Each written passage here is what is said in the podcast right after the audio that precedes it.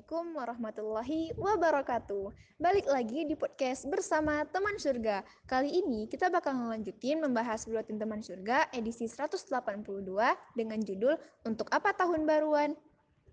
Dalam hitungan hari, pergantian tahun Masehi nggak bisa kita hindari. Alami, nggak masalah kalau masa pergantian tahun itu cuma diwarnai gerakan kalender berganti. Masalahnya nggak cuma itu yang terjadi. Pergantian tahun selalu diwarnai dengan perayaan di banyak tempat di seluruh dunia. Momen yang selalu ditunggu-tunggu untuk merengkuh kebersamaan dengan orang-orang terdekat. Jauh-jauh hari agendanya sudah disiapkan. Ada yang touring ke tempat wisata untuk menghabiskan malam pergantian tahun, ada juga yang bikin acara di hotel, kafe, atau studio TV sambil menikmati konser musik musisi idola.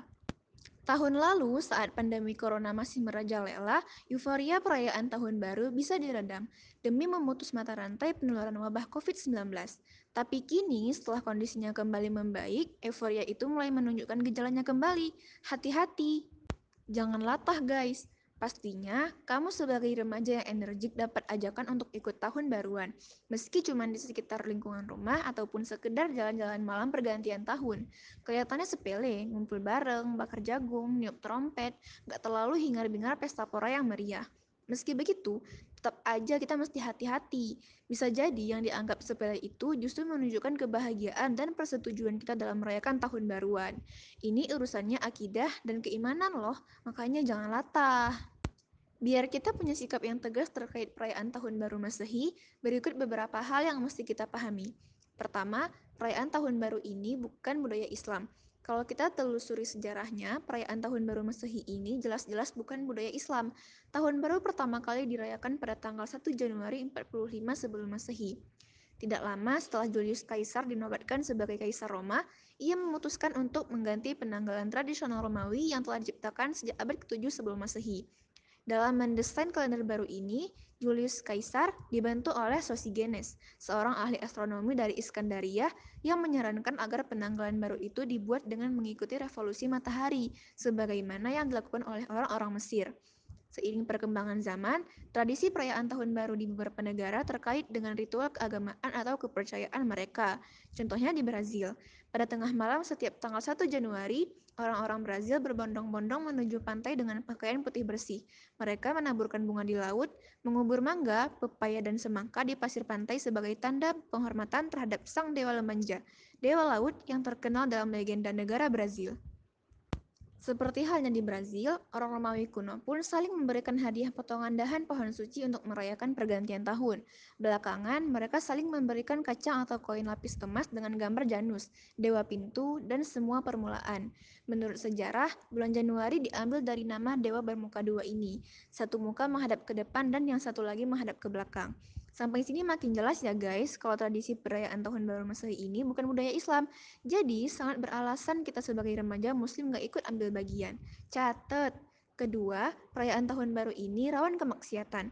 Dari awal, perayaan Tahun Baru Masehi lahir dari pola hidup masyarakat barat yang steril dari aturan agama, apalagi aturan Islam. Gak heran sih kalau dalam prakteknya kemaksiatan merajalela, mulai dari fastabikul aurat alias berlomba-lomba memamerkan aurat dan daya tarik seksual, campur baur laki-laki perempuan yang bebas tanpa batas yang berujung pada seks bebas, peredaran narkoba dan minuman keras, hingga situasi yang bisa memancing emosi seperti sering terlihat dalam setiap kerusuhan konser musik.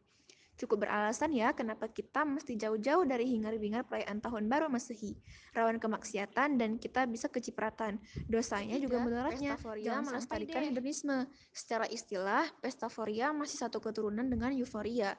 Kalau euforia berarti ekspresi senang yang berlebihan. Pengertian pestaforia pun gak jauh beda. Pestaforia berarti pesta yang berlebih-lebihan, lebih sering, lebih heboh, dan tentu aja lebih bervariasi bentuknya. Yang penting menjanjikan kesenangan, kemeriahan, dan hura-hura. Sehingga banyak acara remaja yang disusupi gaya hidup pestaforia. Salah satunya perayaan malam pergantian tahun baru Masehi. Pestaforia yang lekat dengan kesenangan dan hura-hura adalah cerminan gaya hidup hedonis yang makin digandrungi kaula muda. Gaya hidup ini menggiring remaja untuk memuja kesenangan dunia dan menjauhi penderitaan untuk meraih kebahagiaan. Teman, tiga alasan di atas cukup bagi kita untuk bersikap tegas mengatakan tolak perayaan malam tahun baru Masehi. Remaja Muslim, jaga kemuliaan. Momen pergantian tahun Masehi dijadikan sebagai salah satu perayaan suci orang-orang Kristen. Itulah sebabnya mengapa kalau ucapan Natal dan Tahun Baru dijadikan satu atau yang biasa mereka tulis dengan Merry Christmas and Happy New Year. Selamat Hari Natal dan Tahun Baru. Terlebih lagi, merayakan tahun baru berarti sama aja meniru-niru tradisi orang kafir alias tasyabuh bil kufar. Jika umat Kristiani menggunakan lonceng untuk memanggil jamaahnya ketika beribadah, orang Yahudi menggunakan trompet sementara orang Majusi menggunakan api, maka pada jam 00.00 WIB malam tahun baru semua model tersebut hadir dalam satu waktu. Lonceng berbunyi, trompet berbunyi, kembang api pun dinyalakan, komplit tasyabuhnya.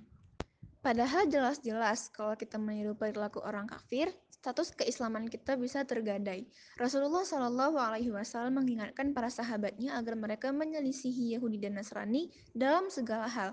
Beliau bersabda, Barang siapa yang menyerupai suatu kaum, maka dia termasuk bagian dari mereka. Hadis riwayat Ahmad dan Abu Daud. Sebagai remaja muslim, sikap kita udah jelas nggak ikut-ikutan perayaan malam tahun baru masehi. Karena perayaan tahun baru itu merupakan perayaan besar bangsa pagan Romawi yang dilakukan setiap memasuki awal tahun. Nggak pengen dong kita mengorbankan keislaman kita demi euforia hitung mundur malam pergantian tahun. Jadi, untuk apa tahun baruan?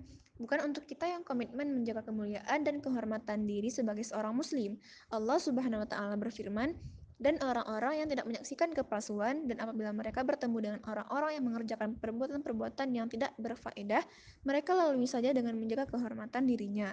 Quran Surah Al-Furqan ayat 72 Cukup, tak ada lagi perayaan malam tahun baru dalam kamus hidup kita sebagai remaja muslim. Gak ada lagi deh gaya hidup hedonis yang merusak masa depan kita di dunia dan juga di akhirat. Tak ada lagi pesta pora, hura-hura, foya-foya dalam keseharian kita. Sebaliknya, kita banyak bersyukur atas setiap nikmat yang telah Allah berikan. Keimanan, kesehatan, dan kesempatan menimba ilmu setiap waktu. Mari jadikan diri kita bagian dari remaja taat syariat. Aktif berdakwah, saling mengingatkan dan menguatkan. Dan jangan lupa rutin ikutan ngaji, biar akidah tambah kuat dan jauh dari maksiat. Yuk ngaji! Nah, sampai sini dulu buat teman-teman surga edisi kali ini. Semoga bermanfaat. Assalamualaikum warahmatullahi wabarakatuh.